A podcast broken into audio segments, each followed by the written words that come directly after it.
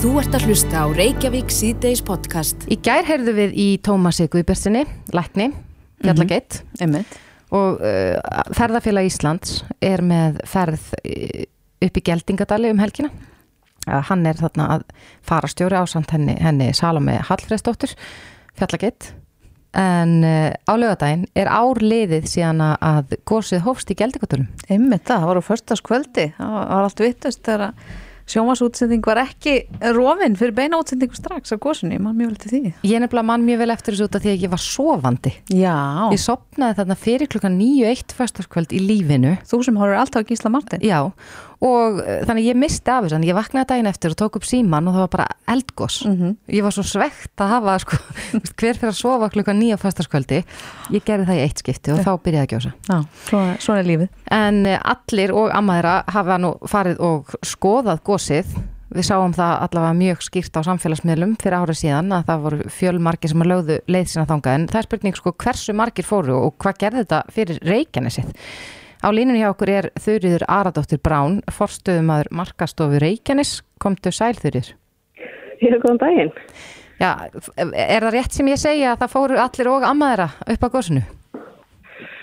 Já, ef ekki að segja það. Þetta, þetta farið að vera svona eins og COVID. Það er, það er svona undatekning að þeir sitja heima sem hafa ekki fengið það. Já, En, uh, hérna, en alla tölur benda til þess að það hafi, sem sagt, þjóðin hafi farið upp á elgósinu. Þannig að Hvað erum við að tala um háar tölur? uh, miðan við talningar þá erum við að tala um 366.000 manns, uh, rúmlega það. Og það eru talningar sem að byrjuðu í rauninni viku eftir að gós hófst og við munum alltaf hvernig þetta var að rétt eftir að svæði var opnað og það, það fóru allir sem að mögulega talsi geta gengið. Já. það var rosalega mikill mannfjöldi þarna þegar ég fór í, í fyrra skiptið, eða fyrsta skiptið, að uh, þetta var bara eins og að vera skemmtist að nánast. Já, já, emmitt. Og þetta var náttúrulega þannig tíma að það voru í rauninni, það voru allir heima. Þetta var, það var nýbúð að setja einhverja lókunar á, á COVID og út á COVID og, það fólk var bara heima og tilbúið að gera eitthvað saman. Mm Já, og langt síðan við fengum eldgoss sem var svona óbúslega aðgengilegt. Jú, þannig að kannski það sem gerir þetta einstakt og, og gerir þetta já, einn rauninni bara aðgengilegra heldur en í eiginfællijökli á sínum tíma. Að hérna að þetta er þetta er eiginlega bara í bakaröðinu hjá okkur. Mm uh, en, en enga síður að þá, þá ertu komin upp í hálendi á þessu svæði. þannig að, og yfir vetartíman þannig að þetta er mjög svona þetta eru áskoranir fyrir, fyrir viðbáðsala og það sem standa þessu næst Akkurat. En uh, heldur þú að þetta hafi verið liftistöng fyrir já, Reykjanesi, við, eins og ég sagði á þann við heyrðum í Tómasi Guðbersin í gær og hann sagði sko að, að Reykjanesi væri svona er svolítið glimt, fólk fer alltaf eitthvað á söðuströndina eða upp á skaftafelli til að sjá náttúruperlur en, en það eru í raun bara hérna í bakarðum hjá okkur. Jú og það sem þetta gerði, við erum búin að vera að vinna í þessu síðan 2013 og, enn fyrr, fyrir það sem að muna lengur, Mm. að, að, hérna, að minna á Reykjanesi og láta vita að það sé áhugavert að heimsækja það, það sé áhugaverður áfangastöðar. -hmm. En, en einhvern veginn þegar gósið hófst að þá, hvað segja, þetta var svona staðfesta að við erum áhugaverð og þú ættir að koma og skoða okkur. mm. Og, hérna, og það er í rauninni það sem við höfum svolítið verið að bregðast við að þetta er komið á óskalistan hjá ferðamannum og, og Íslandingum. Þannig að þeir vilja að koma ykkar, þannig að núna erum við meira að hjálpa þeim að, að fylla inn í dasgrana þegar þeir eru búin að skoða gósið, þú veist, hvað gera þeir næst. Þannig að það er ennþá mikil aðsókn í að kíkja í Geldingadali Já, og, og talningarnir eru segja að það sé að koma 200-300 manns á dag Já, núna, núna þessa síðustu vikurnar og, og hérna, maður minnir að þeir var að tala um að það væri um, rúmlega 12.000 mann sem hefur komið á svæði frá áramótum. akkurat, þannig að það er ennþá tölur fjöldi sem að leggur leið sinna þangað. Já, og eins og segir, þetta er komið á óskalistan, þannig að fólk vil fara þarna, fara þangað og, og hérna, og svo er það hérna ferðarþjónustu fyrirtæki og, og, og leysugamenn eins og Tómas og fleiri að, að hérna, þeir eru þarna tilbúinir að, að vísa fólki leiðina og, og segja söguna. Það er alveg ótrúlega mikilvæg þáttur í, í þessu öllu saman. Akkurat, en er ekki, það eru alls konar aðri, nú verði bara viðkjöna vanþekkingu mína á Reykjanesinu bara nánast í heilsinni að, að ég hef séð myndir frá fólki sem hefur farið í göngur hérna svæðinu þessum að þetta lítur nánast út eins og kettlingafjöll eða mætin í landmannalögar.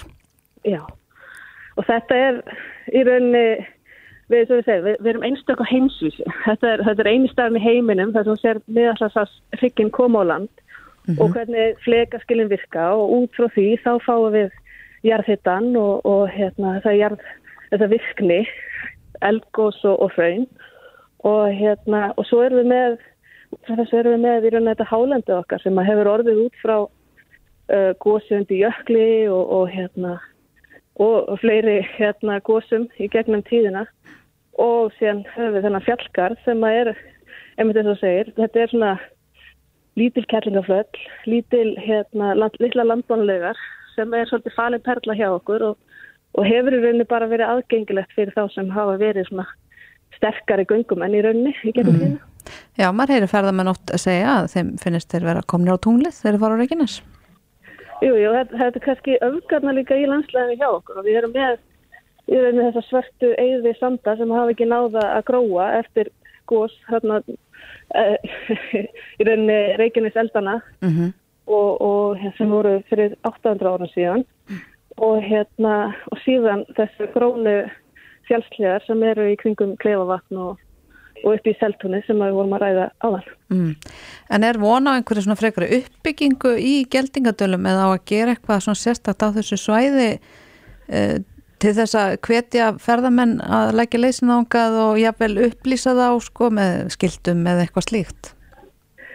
Jú, þetta er náttúrulega verkefni landegunda og skiplas yfirvalda í Grindavík í, í dag. Þeir eru í rauninu bara frá því að góð hóst, góðs hóst að hérna, þá hafa þeir verið að vinna í þessu og, og ég veit til þess að þeir eru, það er deiliskypulagi í, í vinslu og, og hérna með göngulegðum og, og frekar uppbyggingu. Þannig að það verður mjög spennand að fylgjast með hvernig þetta svæði þróast. Mm -hmm. Þetta er rauninu að fylgjast með svæði verða til og síðan bara verða til sem ferðamannastæður og, og hérna og svo fram í því, þetta er alveg, alveg þetta er frábær staður Þetta er auðvitað ennþá líka svo lifandi, það er sko raunir er ekki kólna, það er ennþá fullt í gangi að eins og hann Tómas lísti fyrir okkur í gerð hvernig, hvernig snjórin bráðnar uh, á yfirborðinu. Já, þetta er, þetta er einstakur staður, þú veist að verða í rauninu vittna af nýju landi verða til og eins og, eins og segir, það er heitt raunir, þú finnur lyktina mm. sem er alveg einstök, það er, er ekki hægt að lýsa henni sko og hérna þannig að þú, þú verður fyrir svona hugfyrum í raunni þegar þú kemur hérna inn. Mm -hmm. En, en þurfur, árum við sleppið þér, hvað erst þú búin að fara oft í Geldingandali? Hvað fórstu ofta að skoða gósið? Það er alveg skammalegt að segja frá því, ég held ég að við farið fjóru sinnum. Aha. Það væri skammarlega ef þú hefði sagt aldrei. Já, ég held að þú væri að fara að segja það. Nei, ég skulle segja, ég, ég hafi lagt meira upp úr því að vera við sko tölvuna og upplýsa fólk heldur en endilega að vera á staðin. Já, núna er það kannski bara komið tími til þess að þú, þú njótir og skellir þér í göngutúrum helgina. Já, því ég ger það ekki bara. Þurriður Aradóttir Brán, fórstöðumæður Markastöður Reykjanes, takk kærlega fyrir spjallið og, og til hamingi með daginn og lögadaginn. Já, takk sömu leiðis. Þú ert að hlusta á Reykjavík C-Days podcast. Þá er klukkana alveg að þetta í hálf fimm og við heldum áfram í Reykjavík Cities. Hún er sest hér, hún Þórkalla Aðstensdóttir, sálfræðingur hjá Lífi og Sál. Verður velkomin. Já, takk. Takk fyrir að fá mig. Ábyrð þín er mikil núna. Nú. Uh, við Þórdís erum orðnar mjög félagslega óhævar. Eftir... Svona vandrarlegar. Já, svolítið vandrarlegar. Kunnum ekki lengur þetta kurtið sér sjálf og við vitum að það eru fleiri þarna úti sem er að glíma við það sama eftir tvö ár af heimsfaraldri. Þannig að þá er spurningin, hvernig verður maður aftur góður í þessum félagslegu samskiptum við annað fólk? Ég held að séu mjög margir í eitthvað spórum, ég finn fyrir þessu sjálf. Eh, við riðgum í öllu því sem við æfum okkur ekki. Og nú erum við riðguð og við erum líka svolítið hrætt eitthvað neginn að því að við erum búin að vera svo lengi hrætt við faraldurinn og fá þessa pest og Þannig að, að við hefum, erum svona með varan á þegar við komum í hóp fólks og, og, og ég man eftir því heimsfaraldrinu með að ég er að horfa á bíómyndir þar sem fólk var að kissast, þá láfi ég bara gargaði, passið ykkur. Því að maður laga sig svo fljótt að breytum veruleika að maður þarf þess. Mm -hmm. Og nú erum við að laga okkur aftur að breytum veruleika að því við þurfum þess og það er gott fyrir okkur en það tekur tíma og það hjálpar að tala um það það hjálpar að átt að sjá því að við erum öll svolítið á sumu blæðsvíðinu með þetta og breytingar er okkur alltaf erfiðar meiri sé að líka jákvæðu breytingar þannig að geta fengið að hittast aftur og, og lifa ykkur félagslífi. Meiri sé að það er okkur erfitt og mm -hmm. okkur finnst það mjög skrítið, okkur er ekki bara glöð og bara eins og kálfur og vorri og hleypin í öll bóð og júhú, við getum hist og spjallað og tekið upp þráðin og svona. Nei, þá líður mér alltaf eins og ég sé bara sex ára fyrsta daginn í skólanum og við hvernig á ég að tala og um hvað á ég að tala og hef ég frá einhver að segja og og ég segja enn aftur smitsöguna mína sem er ógæðislega óspennandi og allir er með sömu söguna og, og svo framvegis. Eða á ég að tala um læðirnar, nei, nenni því ekki. Þannig að við erum svona orðin svolítið fátæk þarna og þurfum að já, við erum svolítið fátæk í umræðefnum og að þið verður svo ofun Akkurat, er það bara þannig að maður þarf bara að æfa sig veist, að, að koma sér í aðstæðunar hitta já. fólk sem er ekki hitt lengi og já. bara byrja að spjalla? Já Ég mæli með því að við byrjum bara að spjalla um Netflix-serjur, mm -hmm. e, bækur sem við erum að lesa, e, eitthvað svona sem að allir geta tengt við, að því að við höfum öll verið aldrei mikið að horfa sjónvarpið og lesa þessi tvö ár, mm -hmm. þannig að það er ágætt að byrja eitthvað þar sem að finnur að maður eru örgur, Akkurat. finnur að maður hefur frá eitthvað að segja sem gæti verið áhugavert að hlusta á og svo þetta auðvitað, samskipti eru auðvitað 50% hlustun, mm. þannig að við líka æfum okkur í að hlusta En er ekki hægt á því þegar maður kemur inn í aðstæður og er svolítið trektur sko, og stressaður að maður byrja að reyna of mikið? Jú, þess vegna er mitt, nákvæmlega. Á tölvi ég vil hinna í kaf og svo farað bara allir og þá hefur segið já, já, ég er alveg eins og ömuli í þessu um grunna. Brotnar sjálfströstið. Þannig ég held að sé mitt gott að hugsa þetta þannig. Ég ætla að undirbúa mig aðeins ekki það ég sem er lært handrit en ég veit að ég er að fara inn í hóp og ég veit ég er svolítið riðguð núna í þessu, hérna, þessu spjalli þannig að ég ætla aðeins að setja niður fyrir mér langar mig, hverju langar mig að segja frá mm -hmm.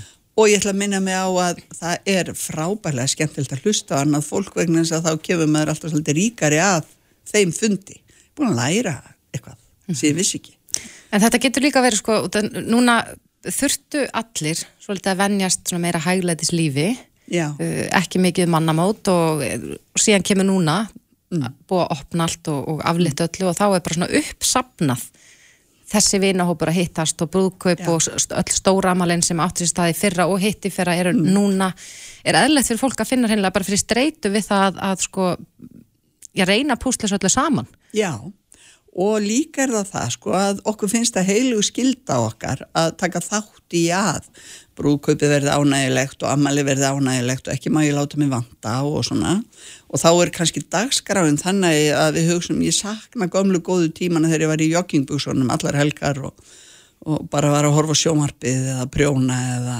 eitthvað mm -hmm. þegar þægindarhingurinn minn var svona lítill, mm -hmm. einfaldur auðvitað var það stundum ótrúlega einmannalegt og leiðinlegt og, og fólk uppliðið þunglindi og, og ykkur neginn svart síni og kvíða en við erum sem betur fyrir svo fljóta að gleima þessu erfiða mm -hmm. og höldum bara í það sem var jákvægt við ykkur reynslu sem var ofenjuleg og nú sem betur fyrir höldum við í reynsluna það var nú notalegt að vera svona mikið heima mikið nú kósi að vera heima um helgar í sofanum og mm. og, og engar kröfur á mig að vera eitthvað skemmtilega að mála mig að vera í fín född eða eitthvað Þannig að það er alltaf læg að segja nei, kannski stundum Það má nefnilega grísja þins dagskrána til þess að vera að samferða sér til þess að sko við, við förum ekki fram úr okkur, verðum ekki tætt og stressuð og þetta hætt að vera skemmtilegt eins og það á að vera og fara að vera ykkur rosalega kvöð sem að hérna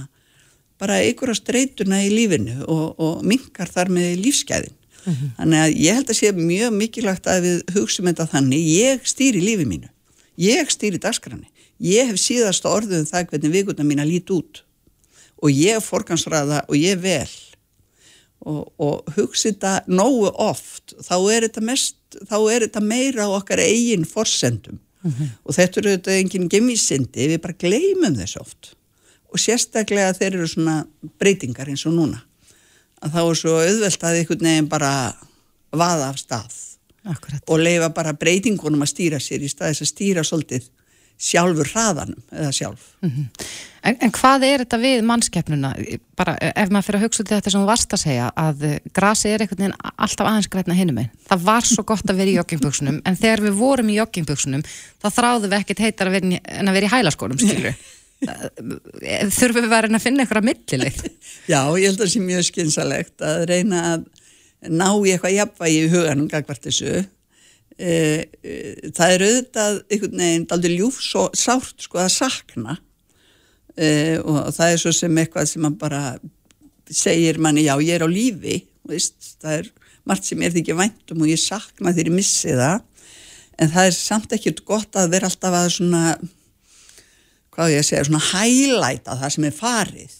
Vera alltaf í baksinni speklinum og í einhverju svona armæði yfir því einhver tími sér liðin þetta er svolítið svipað og vera einhvern veginn finnast blómæski lífsmanns hafi verið í mentaskóla það er mjög dapurlegt af því að það voru nú bara einhver fjögur ár og maður var ekki einu svona orðin fullorðin þannig að, að ég held að sé mjög skynsalegur hugsunarháttur og svona viðhorf að, að hérna, leifa sér alveg að sakna, finna leiðir til þess að taka það með sér en leifa sér líka að njóta þess sem að breytingarnar hafi för með sér. Mm.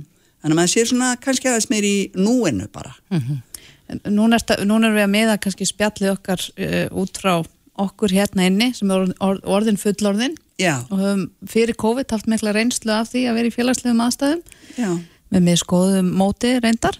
Um, hvað með úlingan okkar eh, sem að hafa átta mjög erfitt, hafa algjörlega mist af sín svona mm, hvað mótunar árum. Já, Myndur þú ráðleika þeim að öðrinsi heldur en okkur fullandu fólkinu? sko ég eiginlega finn mest til með þeim vegna þess að, að þau auðvitað uh, það senkar öll hjá þeim og uh, nú þurfa þau að læra og, og, og hérna tilenga sér og fara inn í ymsa hluti uh, ja, félagslíf til dæmis vináttu alls konar sem er svo dýrmætt á þessum árum að bæði lærum og njóta. Og þau hafa verið rænt þessu í alveg tvö ár. E, þannig að þau eru að fara af stað núna mörg. E, ég er ekki að segja að það sé eitthvað ræðilegt og þau munu jafna sig og þau munu hérna gera þetta. Ég held að þurfi alveg stuðning og hjálp og skilning og, og spjall heima og, og, og spjall í samfélaginu ég held að við þurfum að hérna e, e, hjálpa þeim daldið mm. og vera daldið meðvituð um þetta og, og þakka þeim fyrir þólinnmaðina líka sko. Akkurat, en er aðlögunarhæfni þeirra meiri bara sökum aldur? Eru er við svona, það er erfiðar að kenna okkur gamla fólkinu? Já, e, að því að við þetta finnum okkur síðu og venjur og, og höldum í síðu og venjur sem gefa okkur öryggi og við erum kannski búin að vera með sömu síðin og sömu venjurnan í daldur langan tíma og þá eru hjólfurinn dýbri og þá reynir meira á okkur að breyta, það er mjög holt reyndar og það skapar meiri, sko, það skapar, hvað ég að segja, það býr til fleiri hugmyndir, það heldur okkur á tánum og það gerir það verkum við höldum meira í okkar sjálfströst og sjálfsmynd, breytingar. Þær eru okkar rosalega kaklegar en þær takk í og við erum hrætt og við missum stundu svolítið fótana og, og svona missum þetta sálræna öryggi og þurfum svona náið aftur hægt og síðandi og hafa svolítið samúð með okkur sjálfum. Þetta, já, breytinga takk í. Mm. Þannig að við erum að gresja dagatalið ef okkur finnst þörf á Já, en uh, vera óhættu að stiga út fyrir þægindaraman já, og ekki reyna of mikið svona í fyrstu allu þegar við förum inn í félagslega rastæðir. hlusta líka. Já. Þetta var mjög góð samantekt en uh, Þórkalla Aðarsteinsdóttir, sálfræðingur hjá Líf og Sál. Gæra þakki fyrir komuna. Takk fyrir mig.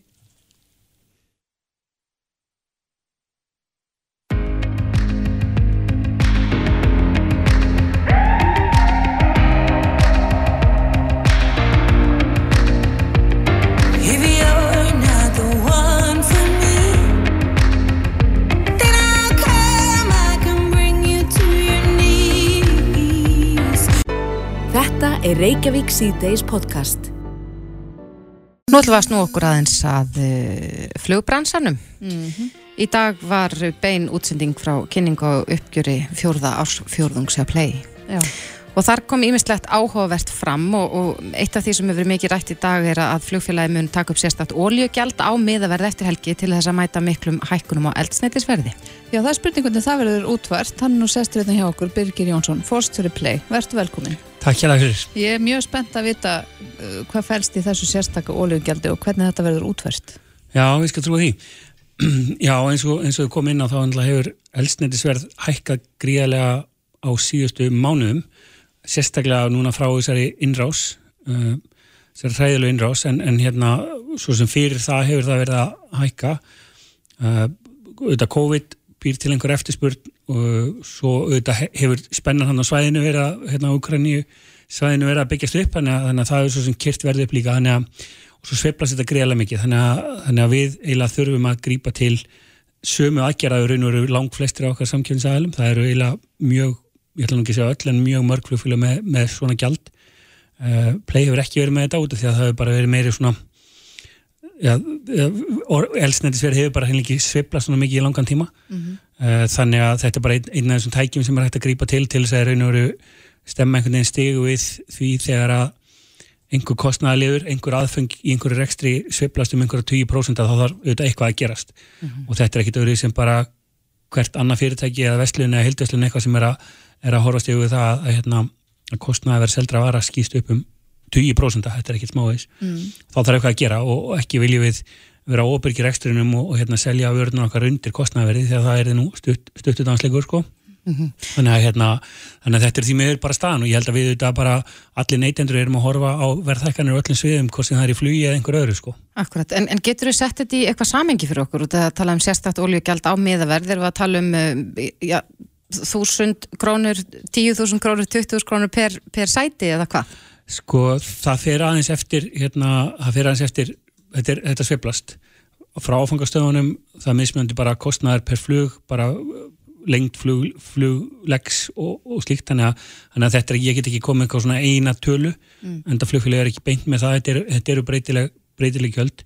En ef maður setur þetta í samingi þá erum við að sko áætla það að þessar eldsneitis hækkanir sé að kosta okkur cirka, cirka 10 miljón dólar þessu ári uh, og við erum að fljúa kannski með eitthvað um réttindi miljón farþegum og við þurfum einhvern veginn að ná þessum 10 miljón tilbaka og þannig að það er svona cirka stærra gráin á þessu, þetta er svona veist hvað ég var að segja, 10, 15, 20 dólarar sem að eitthvað svo leis En, en hvernig virkar það þá þegar ég fer núna og panta mér flug með með Play? Er þetta þá sundurliðað á pöntunni? Get ég séð hver hátt ólíugjald ég greiði? Já, ég reynur bara eins og getur hjá mjög mörgum öðrum flugfélögum og mörgum hér á Íslandi líka Eh, það, það eru meðverðið er alltaf einu uppæð og síðan eru einhver gjöld, það er einhver skattar og gjöld og hitt og þetta sem kemur. Þannig að, þannig að sjálft miðaverðið hérna kannski kannski breytist ekkit svakalega sko. Þetta er svona meira kannski svona einhvers konar tól til þess að stýra þessum sveiflum í elstendisverðinu en, en stærðagráðan sem ég er að tala um er kannski skilur einhver, einhver nokkuð þúsund sko, við erum ekki að tala um einhver tugið þúsunda sko sem um, umræðir og, og nokkvæmt með það sko En nú erum við auðvitað sigla út úr mjög sérstöku ástandi á heimsvísu og erum komin inn í annað mjög sérstakt Já, við feng, ástand. fengum nú hérna það var nú dagspartur hérna sem við fengum miðugudagurinn sem var hansi góður hérna á milli COVID og, og innrásverðinar svona ef maður reynir að vera léttur á því sko en já, þetta, þetta er auðvitað bara hver krísan á fætur annari og, og það er nú, hérna, þá þarf eitthvað að gera það er ekki bara hægt að stinga höfðin í sandin sko Mm. Þessi innrás rúsa í Ukrænu, hefur hún haft einhver önnur áhrif á flugfélagið Play eh, fyrir utan þá þetta ólíugjald og þetta hækkun á, hækkun á verði ólíu? um, ekki, ekki merkjanleg sko, við sjáum að bókunarstaðan eins og við vorum að fara yfir í morgun er, er gríðlega sterk og bara það er mjög gaman að vera skráð félag og geta opna bækurnar svona mikið eins og maður gerir núna ásfjörungslega og við sjáum auðvitað bara gríðarlega góða, góða bókunarstöðu sérstaklega núna þegar bandarækjamarkaðurinn er að koma inn hérna þessi svo kalli tengifar þegar eru farin að tekka vel inn í kerfið. Þannig að í raun og veru, ég myndi nú kannski ekki segja bara, þetta er 1,3 miljardir sem við fáum hann í hausinn sem kostnaði ef að, ef að verði helst svona, svo, svo sveiflast það. En, en ég held að sko Ísland ef maður reynir að horfa á björstilegna þá er Ísland sem áfangastæður er, að- er að held ég að koma sér vel út og við erum að fara að horfa á gott ferðamannasumar bara Íslands efnaðarslíf og, og ferðarþjónastan uh, bókunastæðan bara hjá öllum heyrimar er, er mjög sterk og, og hérna, mikil eftirspyrn eftir landinu. Var það alveg eftir COVID? Þetta, þetta er alveg tíminn núna til þess að koma til Íslands. Þetta er, veist, við erum með náttúru og við erum með, við erum með fæst loft og mikla, mi- mikið svona vífama náttúru, þannig að þetta er kannski það er, maður finnur það að það er alveg hluta markaðan sem að velur sér svona, svona frí heldur en að vera að standa í einhverju röð í Barcelona býð eftir að fara í einhverju kirkju, sko. Þannig að, hérna, þannig að ég, meni, ég held svona þrátt fyrir allt og getur alveg verið bjart sín og hort fram á góðan tíma, sko. Já, ég heyri það, þú ert mjög bjart sín og, og við heyriðum á fundurum í morgunna að félagi tapaði um 2,9 miljónum króna á síðast ári. Er það ágefni eða... Nei, það er raun og veru, þú veist, það er alltaf svona skrítið að segja þetta, þetta er raun og veru þannig sem samkvæmt áætlun, við erum alltaf hófum rekstur í júni, uh, flugfélag rekstur er bara þannig að, að- kostna, sko, fasti kostnaðurinn er bara mjög mikill, það má líka setja þetta í samingi, við erum svona cirka tífald að veltun okkar á milli ára núna, þú veist, frá 2021 til 2022, þannig að, þannig að umbreytingi sem verður á félagin núna þegar við byrjum að fjölgum öllum þessum flugvelum og áfangastöðum núna og byrjum að fljúa til bandarækjan núna í, í vor er bara alveg gríðaleg þannig að, þannig að við vissum alltaf og það lág alveg fyrir að, að við erum í einhverju svona, einhverju svona flugtæki sem að, sem sem mun hérna, kalla á einhver taprestur fyrsta árið sem er raun og veru bara hálft ár. Þannig að við höfum alveg gætna vilja að fá fleiri farþega uh, í fyrra eins og allir. Það var bara COVID og, og hérna og við fjármögnum okkur þannig þegar við fórum að marka í fyrra sem við gætum tekið þessi högg. Þess vegna vorum við líka að kynna það í morgun að við erum ekki að fara að sækja meiri peninga við erum alveg, alveg nóg að lausa fjö við erum að spá því að vera í hagnaði núna setni hlut ásins þannig að, þannig að þetta er raun og veru bara svona uh, já, ég ger ekki lítið úr því að 3 miljardar eru, eru ekki lítið, peningar upp að en þetta er í sjálf sér bara samkvæmt áallum sko. Þannig að þú hefur, þú hefur. Já, ég meina, neð, það þýr ekkert af ágjör, ég meina þetta er bara að gerast eftir, eftir áallun og, og hérna hefur við hitt mig fyrir þrefingum, þá hef ég ekki vitað þessar innrás, nú er hún staðarind, ég vona að hún auðvitað bara það ástand líði hjá, en, en svona með það sem við sjáum bara í okkar bókunum og, og, og svona fram á veginn, þá, þá er engin ástæða til neins annars en að vera, hérna, vera bjartinn, sko. En í morgun kom líka fram að þið ætla að breyta eh, sætafjöldanum í vélunum. Eh, Hvaða breyting er það? Ætla að fjölga þeim Já, við erum eins og við erum með núna, við eins og segja hófum rekstur í, í miðju COVID og þá lág alveg fyrir eins og ég kannski var enda að segja að eftirspurning væri kannski ekki sérstaklega mikil. Þannig að við erum með frekar stóra flugvilar sem er hægt að setja allt í alltaf 240 sæti í með minnsta sætabilinu og við erum núna með 192 sæti í þeim vélum og við erum að fjölga þeim upp í 214 þannig að við erum ekki að fara í, í mesta sætabili sem, eða minnsta sætabili sem er hægt að vera í þessum flugvilum. Um, það verða semst þrjú sætabil þannig að, þannig að sko, þú, fólk getur keft sér bara, það er, það er eitt svona sem er standard sem er bara svona vennilega ekonomisæti á vennilegum flugfélögum, svo verða svona tvö örlíti meiri, meiri, meiri sætabili sem er hægt að kaupa fyrir þá einhverja, einhverja, hérna, einhverja upphæð. Um, þannig að það sem gerist í því er að við erum að lækka auðvitað sætis, bara kostnaðan per sæti um einhver 7% og ekki síst það að við erum í raun og veru að, að minka útblásturinn okkar líka per sæti sem að það er, það er magnað að horfa það sem er að gerast í erlendum flugfélögum að, að fólk er í, í, í hérna, síu vaksandi mæli að, að sko krítisera þessi, þessa business klassa og, og þetta því að þau eru náttúrulega það kannski mjög þægild að setja í þessu þetta er mjög óumhverfisvænt því að maður þarf einhvern veginn að nota plássi í flugvélni eins vel og hægt er til þess að í raun og veru lámarka útblásturinn. Uh, þannig, að, þannig að þetta er, þetta er bara hlut af þessi plani, við fórum ekki í þetta í fyrra því að við vissum að eftirspurninu er ekki við þyrftum ekki svona mörg sæti En, En- verða, verða einhverjir ávaksnir menn eins og bræði okkar sem að bölvu ykkur fyrir þessu ákvöruna að fækka sætunum? Já, ég von ekki því að, því að hann, hann, hún er stendur þetta búið að kaupa sér fyrir mjög hóflegt verð bara, bara auki, auki sætaplás sem að þarf ekki að kaupa sér business class miða því að þetta er raunur munurinn mm. þetta er venjuleg ekonomi í sæti og síðan í venjulegum flugfélagum stendur fólk í business class til bó- boða en þetta er þá, þetta er þá einhverjir, einhverjir nokkur þúsundkallar sem kostar að kaupa sér þá meira sætabili og það er það sem fólk vill og þessi, þessi verð uppbygging hjá lágjaldaflugfélagum almennt séð snýst um það að þú getur raunur byggt þér upp þitt eigi verð. Ef þú vilt fara með tösku þá kostar það. Ef þú vilt borða það þá kostar það. En þú þarft heldur ekki að fara með tösku eða borða eða vera þannig að þú getur bara raunur eins eins og öllum veitingahúsum eða hótel með hvers sem þú ferð þá borgar bara fyrir þá þjónustu sem þú vilt nota þannig að, þannig að það, er, það er svo sem ekki business model sem við erum að finna upp. Það er bara þessi, þessi, þessi mótel í þessum hérna, lágjalda heimi sko. Mm. Um, já, já, það er alltaf eitthvað, eitthvað að gerast en, en hérna við erum í sjálfur sér eins og ég segi við, við lögum bara fram á hvernig áallin hérna í, fyrir ári síðan þegar við, þegar við hófum rekstur og við erum bara að keira það plan áfram og, og það hefur ekki breyst í neinum, neinum atriðum sko. Já, þetta er spennandi og við vonum bara að, að ferðamenn muni flikkast hingað í, í sumar og að sætaverði verði ekki of hátt þrátt fyrir þetta oljugjald. En Birgir Jónsson, forstjóri play, kæra þakki fyrir komuna. Takk hjá. Þetta er Reykjavík síðdeis podcast. Já, það er hér uh, pistill inn á vísi.is meðal þeirra mest lesnu, hann heitir einfallega börn á sakaskrá og meðal annars er þar skrifað hver er tilgangur með því að setja börn á sakaskrá? Hvers konar betrun og aðstof helst í því? Hættum að refsa og byrjum að leiðbenna og aðstóða, notum aðferðir sem virka. Höfundur uh, pistilsins er hún Eva Sjöfn Helgadóttir sem er varað þingmaður Pírata. Og hún er hinga komin, kom til sæl. Já, sæl. Ja. Sæl öll. Hver, þú segir þarna, notum aðferðir sem virka. Já. Hvaða aðferðir virka? Aðferðir sem eru leiðbennandi, aðferðir sem eru valdeblandi og aðferðir sem að eru þannig að við, er, þarna erum við að tala um börn sem að eru að skapa sjálfsmynd sína. Þau eru að hugsa, eru á því tímapunkti í lífinu sem að við öll fórum á og, og hérna, hver er ég og, og, og hvað ger ég og, og hvernig, hva, hva, hvað manneskja vil ég vera og við viljum styðja við börnin á þessu tímapunkti í lífinu og við viljum vemda þau fyrir einhvers konar jaðarsettingu eða öðru sem að ég tel verið að gera með því að setja börn á sakaskrá. Segð okkur aðeins sko fyrir þá hlustendur sem að vita ekki nákvæmlega hvernig þetta virkar hver ung börn geta lent á sakaskrá? 15 ára og eldri. Mm Já.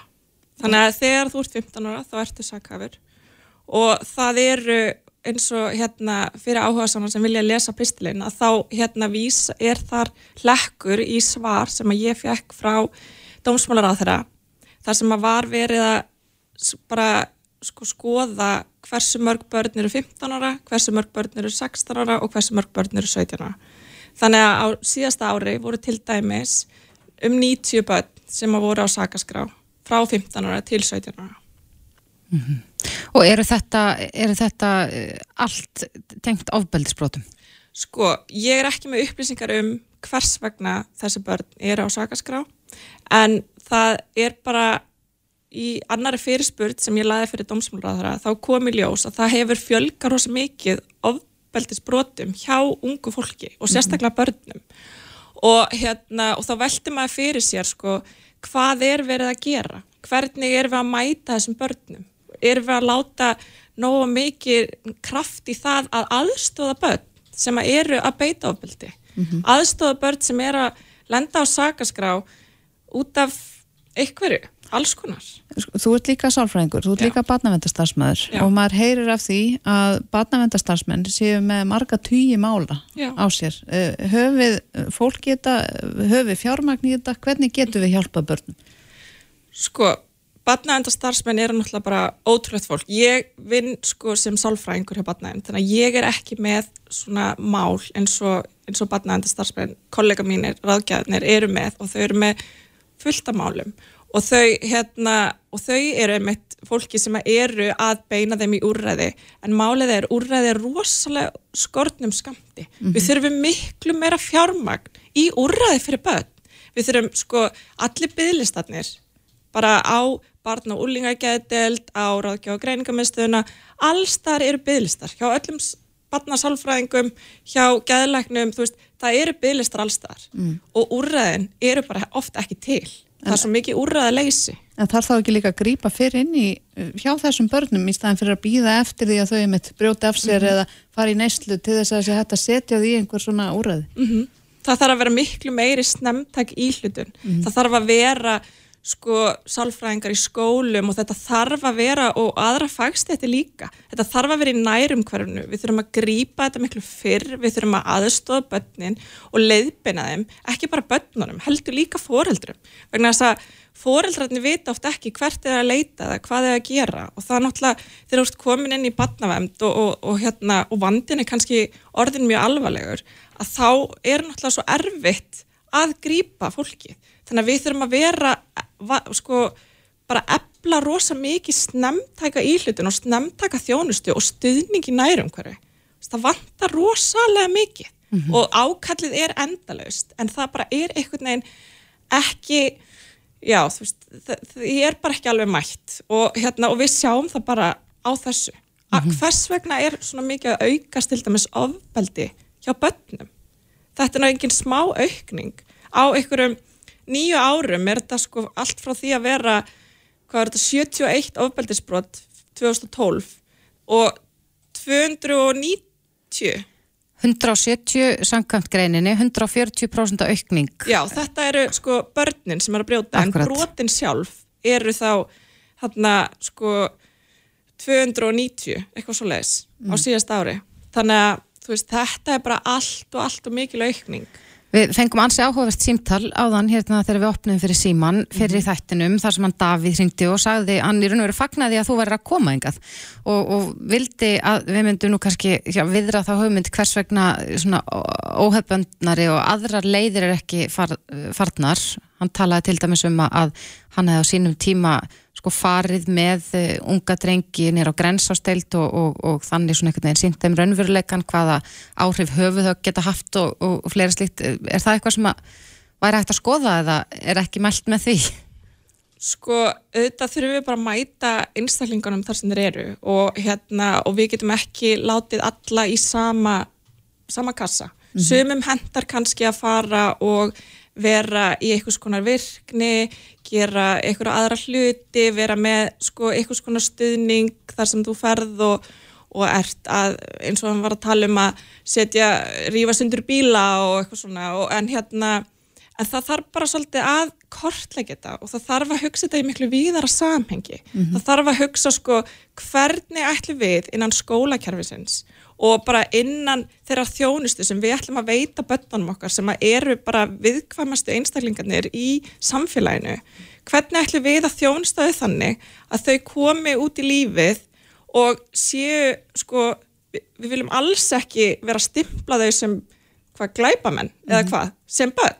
Við vemdum þau, þanga til að þau eru orðin og nægilega stór til þess að takast á við lífið, hvernig sem það er það skýtur skökk við að við séum með sko, við vemdum börnin okkar, við köllum þau börn, þanga til að þau eru átjónara en samt finnst er í lægi að svolítið svona hvað maður að segja er í lægi að bara jaðar setja þau þannig að þau séu á sakaskrá sko fyrir bad sem að er kannski 15 ára að þá að vera á sakaskrá í 5 ár það er nú bara eins og heil eilíf mm. þú veist, þau hugsa á morgun, næstu viku eftir mánuð, næsta sumar.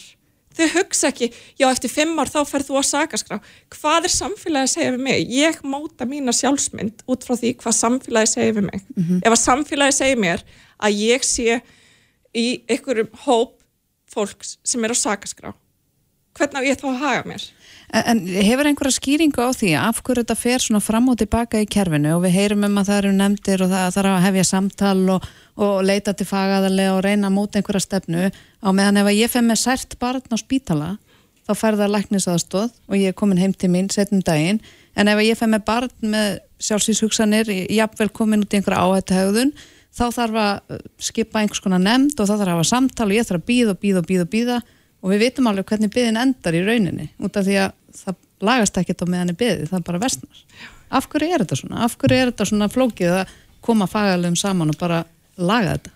Já, ég vildi að þetta væri ekki svona og ég er að reyna að berjast fyrir því á öllum vettfangi sem ég kem að, bæði í barnavemd og, og þar sem að ég hef rödd eins og enn á þingi og hef talað mikið um gelbriðsmál og bæði skrifað og, og hérna um það sko, það vantar fjármagn og það vantar bara að taka þessu, þessum sjúkdómum sko sjálfsvík á Íslandi eru bara raunverulega rosalegur vandi. Þannig að sko lík bæði hjá bönnum og, ungu fólki sérstaklega. Þannig að þessu er bara ekki tekið nóg alvarlega því miður.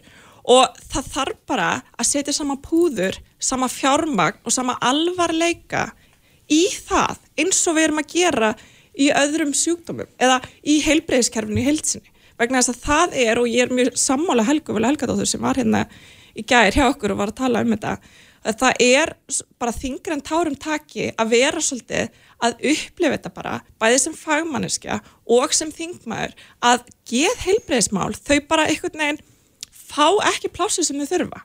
Og sko við þurfum svolítið bara að vakna og hugsa ok við ætlum ekki að búa í þannig samfélagi þar sem að börn eru sko hérna, ég held að það hafi verið sko 20% barna í tíundabæk árið 2020 hefðu hugsað um að skera, nei, hefðu skorið sig einu sinna oftar.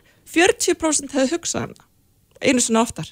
Þannig að þarna erum við með börn. Við sjáum það sko ef við förum og skoðum rannsóknar og greiningu og skoðum öll gögnin sem eru þar inni sem sín okkur á svart og hvítu hvernig börnum börnunum okkar líður þeim líður bara ekki nógu vel þau eru bara ekki nógu hamingisum og við þurfum að bregðast við þessu við getum ekki bara sagt, að já, þetta, þetta er alltaf bara vestna og bygglistar er bara lengjast og það kemst henni ekki á bögl og þetta er bara, og, og hvað?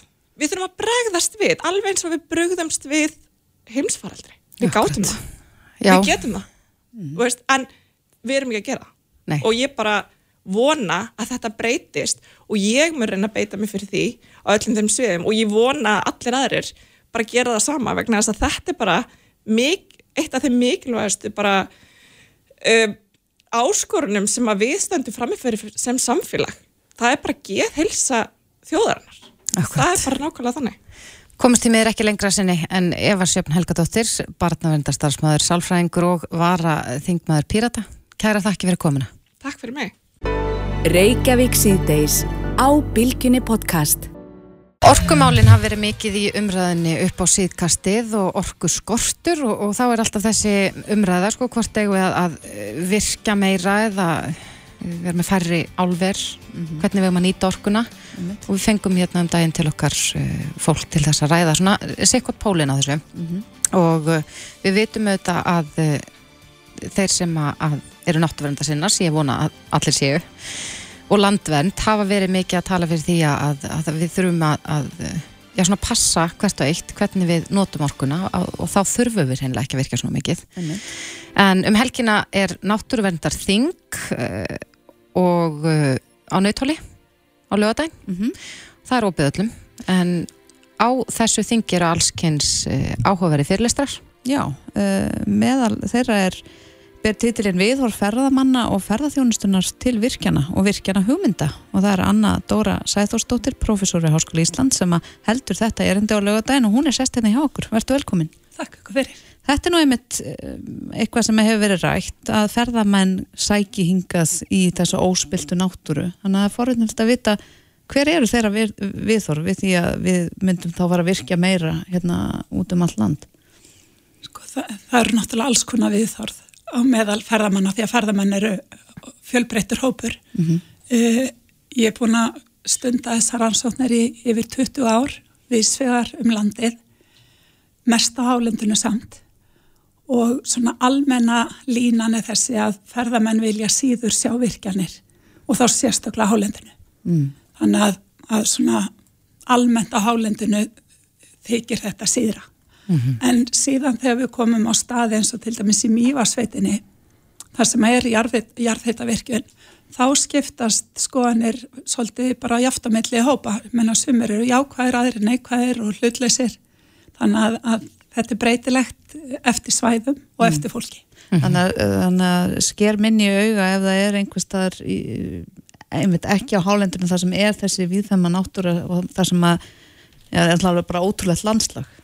Já, þannig að þetta þykir henda betur sem sagt í annarkort landslæði það sem eru mikið að mannverkjum fyrir af því að þú veist, þá er skýrt ekki eins auga og svo líka sko þykir þetta að henda misvel eftir, eftir sko svæðum þótt að sé engin, engin mannverki þar. Þannig að, að þetta er bara breytilegt. Akkurat, það hefur líka verið bent á að, sko, að, að einhverju ferðamenn eru ofbústlega svona gætu verið jákvæðir í garðvirkjana vegna þess að þetta er svo magnað hvernig við nýtum orkuna, hvernig við búum hana til og, og, og þetta sé allt endur nýjanlegt. Hefur þú séð það í þínum rannsóknum að, að fólk sé svona jákvæðt í garð þess vegna þess að þetta er svo græn orka? Já, sko, almennt þá er bara fólk jákvætt út í endur nýjanlega orku. Það er bara, er ekki annað hægt á tímum loft, loftslagsbreytinga. Þannig að það er alveg almenna línan. En svo ef þú ferð að spurja nánar hérna, hvað finnst þér um að hafa hérna, endur nýjanlega orku framlýsli hér á þessu svæði þar sem að þú stendur og ert að upplefa náttúruna, þá sko, finnst fólki það ekkit endilega að passa. Þannig að þú veist, eitt er að vera jákvæðir gagvart endurlega orku versus það að vera tilbúin að fórna einhverju svæðum fyrir það. Uh, Þú ert búin að vera að rannsaka þetta í 20 ár, sagður. Um, hvernig fer svona að vinna fram? Hvernig, hvern, hvað ertu búin að vera að gera síðustu 20 árin? Eða svona í stuttumáli? Já, hérna, semst, rannsóknina sem ég vinn, semst, þá er ég annars vegar að tala við ferðamenn og þegar ég tala við ferðamenn þá fer ég á ferðamannastaði eða ekkert endilega ferðamannastaði, heldur kannski staði þar sem eru uppi hugmyndur um að byggja virkun og þar er ég í ykkur tíma, oftast kannski viku og tala við sem flesta sem þanga koma og ég beiti engum tveimur aðferðum, ég er með spurningalista sem ég dreifi þá til sem flestra og svo teki viðtöl sem að er bara svona eins og þegar við erum að spjalla, þú veist, ég spyr það bara út í hlutina og, og þá nærma þess svona dýftina í staðan fyrir bara svona yfirborskend eins og spurningalistanin á yfir. Akkurat, helgar hann að vinna. En eitt, þú, þú rannsakar sko annars vegar við þór ferðamann en líka ferða þjónustunar. Er, er, er eh, eitthvað jafnvægi þarna á milli? Er ferða þjónustan með sömu viðþorf og ferðamenninir? Uh, já og nei. Sko, bæði ferða þjónustan og ferðamenn uh, leggja áherslu á að byggja ekki virkjanir á líkt spiltum svæðum. Það segja þessum víðernum og, og svona hérna, óraskuðum svæðum. Uh, ferðamenn eru oft svolítið varkárir í að tala sko þeir vilja ekki segja okkur, þeir vita það að þeir eru gestir hérna, við erum að tala um erlenda ferðamenn, þeir eru gestir hérna, þannig að þeir alltaf geta að fara að segja Íslandingu hvort þeir megi byggja virkun eða ekki. Þannig að ég þarf ofta að byrja því að skýra, ok, það er ekki verið að spurja því, það er frekar verið að spurja hefur áhuga á að koma áfram til Íslands og skoða þetta svæði að það væri búið að virkja? Og þegar það er búið að sitja að það er stellingar, sko, þá er þið viljari til að svara. Ferðarþjónustæðila náttúrulega, þeir eru Íslendingar sem að búa hér og eru með í samfélagsumræðinum orkumál, þannig að, að það stundum endur spekla svona þeirra viðhorf. En þegar að ég tala við þau, þá er það náttúrulega sko, þá er fólk beðum að svara út frá forsendunni fyrir sinn rekstur, þú veist það er að reka ferðarskristofu, búa til ferðir fyrir viðskiptavini við svöru landið. Og, og semst þá snýr spurningin á því hefði virkun á þessum stað áhrif á möguleika þína til að nýta þetta svæði fyrir þína starfsemi. Akkurat. Þetta er virkilega áhugavert. Við komumstímið er ekki lengra núna, við þurfum að fara að skipta yfir að fréttastofuna, en fyrir áhugasama þá er náttúrulega þing á nautóli á laugardaginn og þar verður þú með erindi. Já. Kærar þakkir fyrir komuna. Takk fyrir mig. Við höldum áfram hérna í Reykjavík síðdegis og það dróti tíðinda hjá Kanye West uh, í dag. Mm Eh, Hann hefur nú verið læstur út af Instagram í sólarring vegna rasískra ummala í garð uppistandarans Trevor Noah. Þetta væri svo sem ekkert í frásögu færindunum fyrir þær sakir að Kanye West hefur látið alls kynns orð falla á sínum samfélagsmiðlum um sína fyrirvændi einkonu, Kim Kardashian og hennar nýja, nýja kærasta, eh, Pete Davidson og ég allavega man ekki til þess að hann hefur nokt sem verið settur í bann við því. Uh, en hann, hann, hann hefur hann hefur eh, ofinberað það að hann þjáist af bipolar mm -hmm. geðkvarasíki en uh, svona uh, hvernig hann lætur í garð sinna fyrrandi einkonu ber þess merki að hann sé ekki einungis haldin einhvers konar geðsjúkdómi heldur hann sé ofbeldsmaður Já. og fjölmjölar hafa kannski ekki verið að taka þannig sérstaklega alvarlega. Nei, ég hef aðeins fylgst með þessu bara svona með öðru auganu í, í fréttamiðlum og inn á samfélagsmiðlum og manni finnst þetta ferlega skrítið það sem er í gangi, hann er alltaf með nýja og nýja kærustu sem lítur eiginlega alveg út eins og Kim Kardashian og, og svo virðist hann vera áreita bæði hanna og, og nýja maka hennar en uh, við erum komið með sérfræðingi þessum málefnum til okkar þannig að Efu Rúsu, komdu sæl og blessuð Já, komið sælar. Gaman að vera kallaður sérfræðingur í þessu máli. Loksins ég- er sérfræðingur í þessu máli, já. Já, er mátt það ekki? Jú. Þú fylgst vel með þessu, er þetta ekki ofbeldis er þetta ekki ofbeldi það sem hann er að gera við sína fyrir með einkonu og, og ja, hennar kærasta Jú, klárlega, klárlega. Þú veist, jú, maðurinn þjáist vissulega af andlegum veikindum og það verður ekki tekið af honum, en öll þessi hegðun er bara andlegt ofbeldi og ég er svo hissa, ég er svo ótrúlega hissa að hérna Meta, sem er náttúrulega Facebook og Instagram núna, sé ekki löngu búnir að hérna lokan úti í 24 klukktíma á samfélagsmiðlunum. Þú veist að það sé bara fyrst núna verið að gera því hann er búin að vera í marga mánuði að hérna áreita Kim og Pete og ég meina þessi tónlistamindbönd sem hann er að gera það sem hann er að eh, bara myrða Pete, hann er að afhauðsa hann og draga hann eftir eigðumör grafan lifandi veist, og þetta er allt eitthvað svona animation svona teiknimynda dæmi sko og hann félir svo alltaf á bak við listina. En sko ef maður horfið tilbaka á sögunans kanji, þú veist þá getur maður alveg hort sko alveg mamman steig 2007 og hann var ótrúlega tengd um mömmu svona alveg upp bara af henni og hann er bara svona eh, middle class, bara svona heit- Millistéttar bara. Millistétta, já, hann er bara svona millistétta strákur sko, frá Chicago. Og hérna, og er ótrúlega ná mömmu svona því hún alltaf eilur hann upp. Og, og svo deyr hún 2007 í lítaðgerð fær óvan, óvænt hjartaslag í aðgerðinni. Og þá einhvern veginn svona það triggerar hann svolítið svo bara hérna, heldur maður áfram til ásins 2016 og það er árið sem að hérna, Kim Kardashian er rænd í París. Og í kjölfarið að þá hérna, fyrir hann á tónleika, tónleikaferð og hérna og bara dettur í gólfið. Bara, hann bara örmagnast á sviði og kanselar túrnum sínum sem sagt bara já ég, stelpur, ég er rosa slettari, má það ekki alveg þessum alveg. Allt í góðu, allt í góðu. Og hann já, kansilar hérna restina tónleikaferðinni.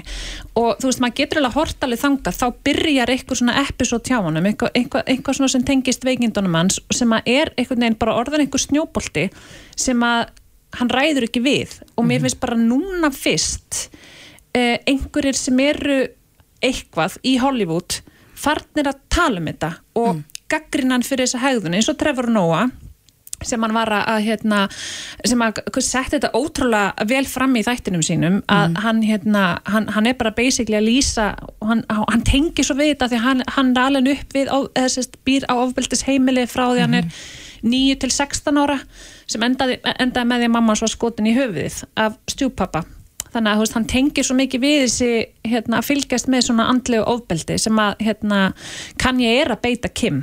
Og hérna og hérna En sko, það, hvað, sko, Kim sótt um skilnaði fyrra og já. það virtist alveg vera að, að þetta myndi allt bara enda í góðu. Já, en ég, sko, ég og ég fer ekki dóðan því, ég held að Kim sé bara stóra ástin í lífinu hans og þess vegna er hann komin í eitthvað svona vítarhing, hann, hann er ekki einn losa úr þessu og svo er hann bara umkringdur í áfólki hann er ekkit, þú veist eins og Kim, Kim hjælt rosalega vel utanum hann og hún hefur talað allt þú veist það er ekkit langt síðan að þau opnuðu sig með bipolarinn hjá honum. Og, hérna, og hún hjælt rosalega vel utanum hann og, og, hérna, og, saði með í einu viðtali að þú veist núna er allt til dæmis rólegt en við finnum alveg að það er eitthvað að fara að gerast. Það er eitthvað svona episode, það er eitthvað, að fara að gerast hjá honum og þá bara tökum við á því. En núna náttúrulega er hann skilið með Kim sem hefur bara haldið ótrúlega þétt utanum hann og pínu svona verndaðan fyrir, fyrir svona utanakomandi áreiti. Og núna er hann bara búin að raða í kringum sig einhverjum jámanniskum og eins og við vorum að tala um á hann þessar kærustur sem hann er með núna sem er bara eitthvað svona styrlað Akkurat, það líta bara alveg eins út. En, en er, er þetta ekki bara form af, af einhverju svona sjúklari þráhyggju í garð Kim eftir skilnaðin? 100% 100% og ég held allt sem hann er að gera núna er þráhyggja og, og nú ger ég ekki alveg ég, ger ekki alveg, ég þekki ekki alveg nógu mikið vel inn á gækarásíkina hvort að sé ykkur hérna, þáttur af veikindunum þráhyggja. Ég veit ekki hvort að þið vitaði kannski. Þekki það fyrir mér ekki. Nei, Jú, svona margbeldur, jú, ég, ég held að þráhugg geti verið eitt af því. Já, og, og, hérna, og hann hefur sagt í viðtali að þú veist, hann vill ekkit alltaf taka lifin sín við sjúkdómnum. Og svo þegar hann fer í fórsetakostningarnar 2020 og það sem hann er bara náttúrulega ég held að það hafi líka verið svolítið, það fylgti svolítið mælin hjá Kim, bara hún sá hún gat ekki meira, hún gat ekki farið gegnum meira með honum, þetta var bara, þetta var bara búið hann að hérna En, en það er eins og fjölmiðlar hafi kannski ekki tekið þetta neitt sérstaklega alvarlega. Það er svolítið verið að hlæja og gera grín og sjá hvað kann ég saði og hitt og þetta. um, en það verðist enginn vera að taka því alvarlega. Þetta er orðið há alvarlegt. sem er ótrúlega sérstakt að því við horfum til dæmis á Britney Spears sem að er, það hefur aldrei verið ég hef hvergi sé, séð að skrifa að hún sé með staðfest frá henni eitthvað svona gegkarasíki eða eitthvað en hún er klárlega með andli veikindi líka. Þið sá bara hvað gerist fyrir Britney þegar hún rækar þessir hausinn og það er bara, þeir eru eins og hrækamar á hana og það er hver, e- og náttúrulega, jú, hver einsta frétt er um Kanye en mér finnst samt svona Kim fekk allt, nei hérna Brittany fekk allt öðru sem meðferð er af fjölmjölum heldur lettara yfirbræði yfir fréttunum af, af uh. Kanye, en, en, en þýðir þetta mögulega, núna er, er meta búið að banna hann af Instagram í sólarring Mhm. uh, er þetta nýr tótt með við kannski frekar búast við því að fólk fara að taka þetta já, líta á þetta meira alveg núna Já, og mér finnst það með sko eins og þetta innslag með Trevor Noah og svo er annar hérna, er, hann er, hann er útarsma, útar, eða þáttastjórnandi í útarpi og uppistandur og leikari, hann er D.L. Hjúli, hann kann ég líka búin að vera hjóli hann, af því að hann það var hérna TikTok myndband sem gekk á honum til dæmis, það sem hann er bara að tala um hérna, þú veist hversu ótrúlega alvarlegt þetta er og ef við myndum bara setja þetta á einhvern þetta bara eh, nákvæmlega suma aðstæður bara á einhvern sem að er ekki frægur og ekki peninga þú veist, það væri komið nálgunabann það væri, það væri allt öðru sem teki á málunum heldur en hjá, kann ég. Veit það eins og kann ég sé búin að vera svona fljúandi ratarinn og vera á, okkur svona frípassa þanga til núna, þá er ég held, og ég held að það er kannski hafa bara fundið fyrir pressu að setja fótinn niður, af því að það er komin svo stóru ratinnar í Hollywood eru farnir að tala. En nú á kann ég samt um, ansi diggan og stóran uh, aðdánduhóp. Hann, þessi hópur heldur trú við, við sinn mann, virðist vera. Ég skítrætt við það út af því að hann byrti í Instastóri hjá sér sem er til dæmis Instagram hans þegar hann byrjaði þetta. Þetta hérna rand, eða, þessar árásir á Kim það var með 11 miljón fylgjendur. Á nokkrum dögum var hann komin í 15 miljón fylgjendur. Þannig að getið ímyndað eitthvað bara fjóra miljónir bara pam smetla putta og hann er komin í búin að bæta við þessi fjóra miljón fylgjendur sem voru þá augljóslega aðdándur hans og fólk sem er að fylgjast með þessu. Þannig að ef hann fyrir að hvetja til einhvers, þá er aldrei að vita hvað gerist. það er einmitt það sem ég er svo hrætt við að því að hann er að setja Pete hérna bara með í alveg, það er bara leysibissa á höfðuna á Pete og bara, þú veist, maður veit ekkert hvaða þú sko, það er fullt af fólki sem er aðdáðandur hans fyrir tónlistina og ég tek það ekki af hann hann er meistari með tónlistina sína þú veist, lögin hans og allt og, og hérna, þó ég sé ekki einhver hjúts aðdáðandans, þá veit ég alveg hvað hann getur með tónlistina en sko hann byrti til dæmis í Instastóri hjá sér fyrir ekkert svo lengur síðan sem var greinilega myndband frá bara einhverjum aðdánda sem var búin að líma mynd af Pete Davidson á speilin heima hjá sér og var með svona laser, veist ekki byssu eða neitt en hann var með laser sem var búin að binda á svona eitthvað pappaspjald sem hann var búin að klippa út eins og byssu og hann skrifaði texta við hérna, þú lætum mig bara vita hvenar ég á að þú veist, tói gikkin Akkurat, þannig að það er jafnvel hægt á því að, að að einhverjir aðrir bara, já, aðdáðendur, fylgjendur uh, gætu já, gert eitthvað en verra en, en þessar árásir uh, kann ég á samfélagsmiðlum. 100% að því ég held að hópurinn hann skiptist alveg í bara okkur að- sem erum að hlusta á fyrir tónlistina bara í rektinni og gengilög og eitthvað svona. Og svo er hann með þessa aðdándur sem eru, maður veita bara heimurinn er þannig, þú veist, það er fullt af koll klikkuðu liði sem að sér heiminn ekkit eins og, eins og við sjáum hann og er bara eitthvað, já ok, betur kann ég vil bara drepa Pít, það, ég get alveg gert það. Ég get alveg tekið að mér að drepa hann bara. Þannig að ég einhvern veginn svona ég er bara, núna er ég að vona að sé kannski einhver stoppari komin á þetta að því ég hugsaði bara um daginn, þetta var eftir að enda einhverju stór slisi, þú veist, þetta var eftir að enda bara í einhverju, bara ándjóks morði. Einhverju hrylling. Já. Já, við skulum vona að, að fólk fara að taka þessar árásir alvarlega og, og líta á þetta sem ofbeldi sem það er en Eva Rúsa, takk kærlega fyrir að koma og spjalla um þetta við okkur. Rána Hlustaðu hvena sem er á Reykjavík C-Days podcast.